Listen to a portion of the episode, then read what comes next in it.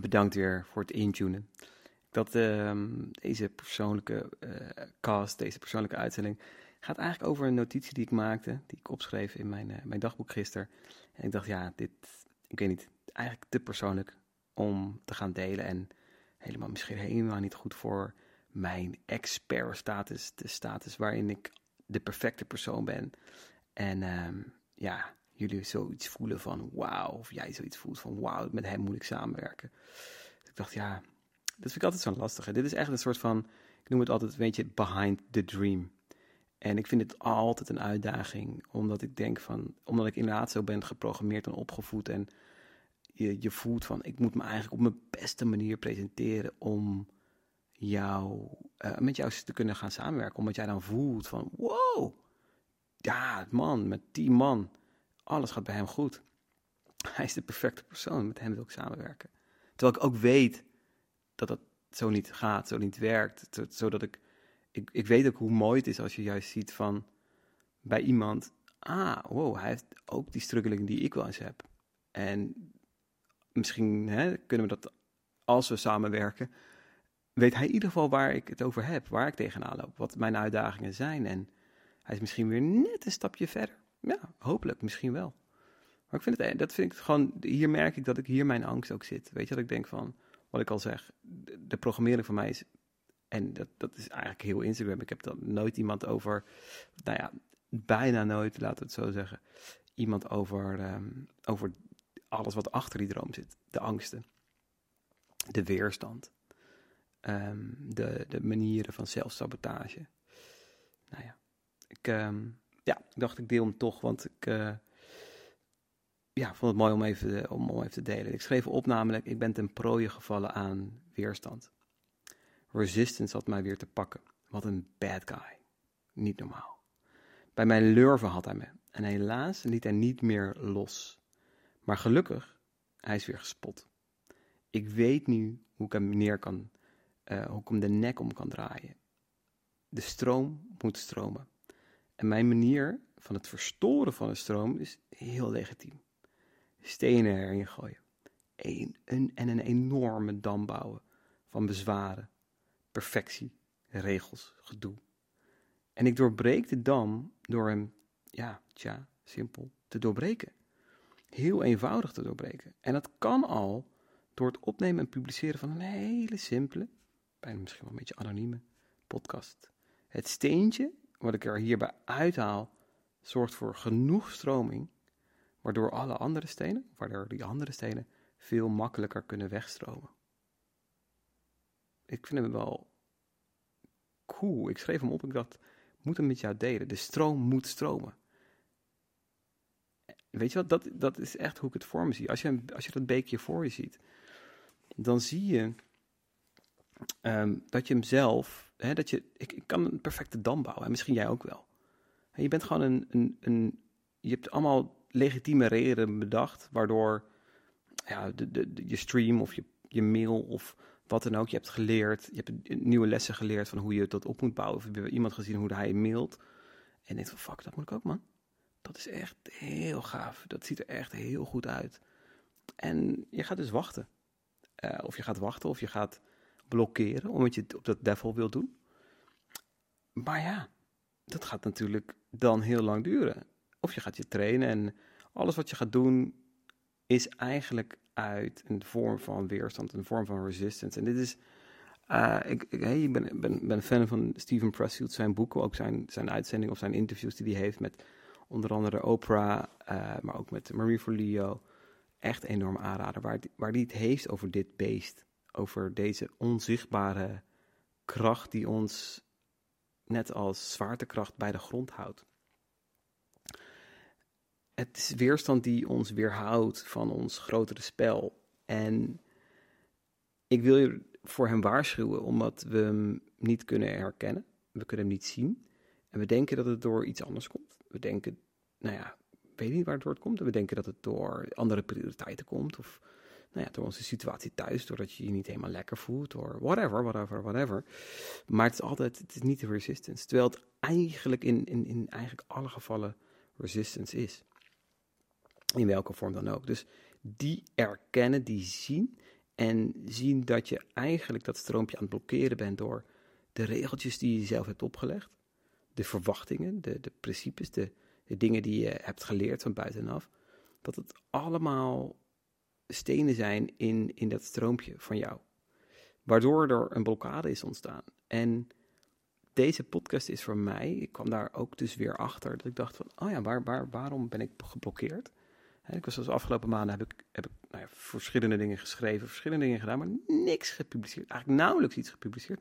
Oké, ik heb een lezing gegeven voor meer dan 80 mensen. Oké, ja, dat is legitiem. Maar voor mij is dat anders dan ehm, ja, echt publiceren, een mail uitsturen of uh, een podcast opnemen of iets anders doen.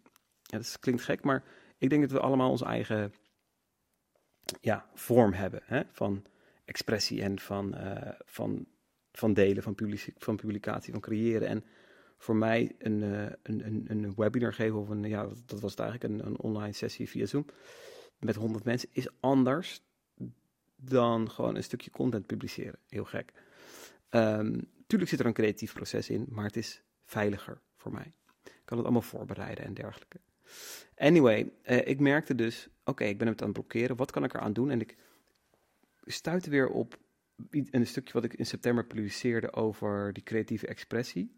De expressief en, en dat, dat heel eenvoudig en makkelijk maken. En toen stuitte ik weer op, oh ja, waarom had ik ook weer die tweede podcast aangemaakt?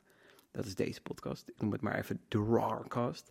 Waarbij ik die roar, die, die, die, die, die, die is echt bedoeld om eigenlijk te grommen naar die draak, die weerstand. En die weerstand elke keer ja, de nek om te draaien. Terwijl ik weet, hij komt elke dag terug. Hij stopt niet.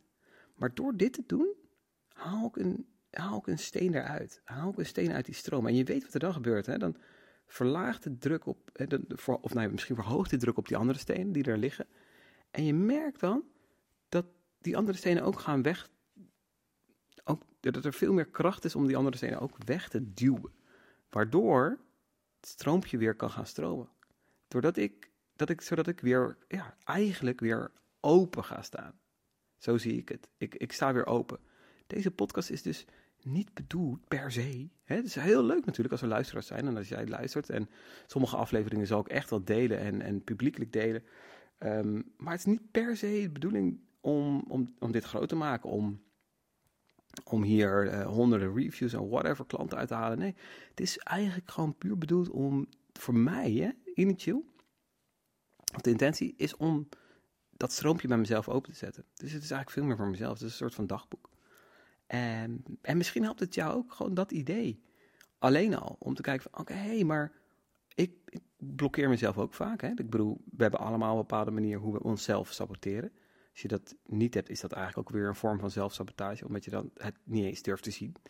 Um, maar hoe kan je die stroom weer openzetten, is vaak door iets heel kleins en door iets heel makkelijks, iets heel laagdrempeligs.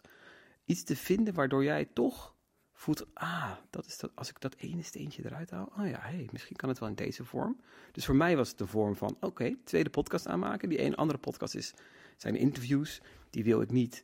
Uh, zijn, het zijn allemaal interviews met, met, met CEO's, met, met ondernemers van ja, de bedrijven waar, waar ik en mijn klanten naartoe willen groeien. Um, en die zijn inspirerend, die zijn, uh, nou, de productie is wat, wat, hè, wat, wat professioneler. En die wil ik niet verstoren met, met, met, met dit soort nou, persoonlijke uh, zaken, dingen die in me opkomen. gewoon, ja, dingen in de flow van de dag. Dus ik dacht, ik maak gewoon een nieuwe podcast aan. En dat heb ik even snel gedaan.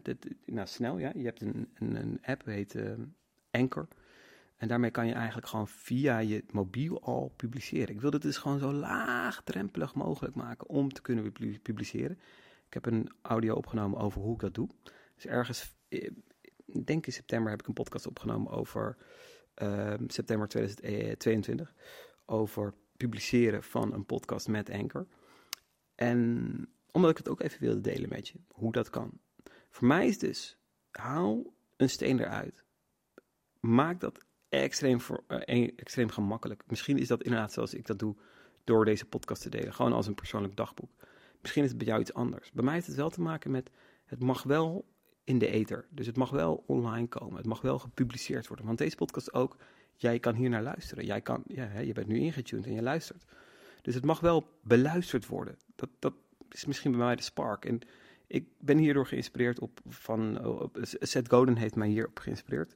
Als je eens kijkt naar uh, Seth's, als je googelt Seth's blog, het is ook Seth S E T H S blog. Zie je dat Seth Godin, een hele grote marketeer, hele grote spreker. Uh, we hebben, ik heb hem ooit in Antwerpen, misschien wel 12, 13 jaar geleden horen spreken en blown away door zijn energie, door zijn verhaal.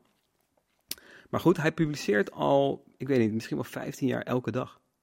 Elke dag publiceert hij een blog, een artikeltje. Uh, soms is het, zijn het een paar regels, soms is het een heel verhaal. Maar het is, nou, ik denk dat het altijd ongeveer, ja, ik weet niet, gemiddeld denk ik 300 woorden of zo. Publiceert hij, schrijft hij. En, uh, en dat is inspirerend. Hij zet dat kanaal open. Hij, zet het, hij haalt die stenen uit de beek. En ik weet dat, dit zijn zijn gewoonte is. Je haalt de steen eruit en elke dag weer. elke dag opnieuw is er die angst. Elke dag zijn er die regeltjes. Elke dag is die weerstand er. Hij gaat niet weg. Het is niet een. Je kan hem één keer verslaan en oh wauw, de draak is verslaan en uh, you're living happily after, uh, happily after. Nee, dat, zo werkt het gewoon niet bij, bij, bij deze vorm of bij deze weerstand. Hij is er elke dag. Alleen, je bent hem nu wel je bent er nu wel bewust van. En dat maakt al het verschil. Je bent er bewust van, dus je kan hem en je weet hoe je hem uh, zou kunnen verslaan. Anyway, maak het voor jezelf makkelijk. En ik hoop uh, ja, dat deze blokkade bij mij en de manier hoe ik hem probeer te verslaan, jou heeft geïnspireerd, jou een vlammetje heeft gegeven, jou een vuurtje heeft gegeven om, uh, om er ook doorheen te gaan en, en te blijven publiceren en jou goud te laten zien en op dit moment, het is wel tof, ik ben uh, uh, Steven Pressfield zijn nieuwste boek aan het lezen, Put Your Ass Where Your Heart Wants to Be. Aan het lezen, Put Your Ass Where Your Heart Wants to Be.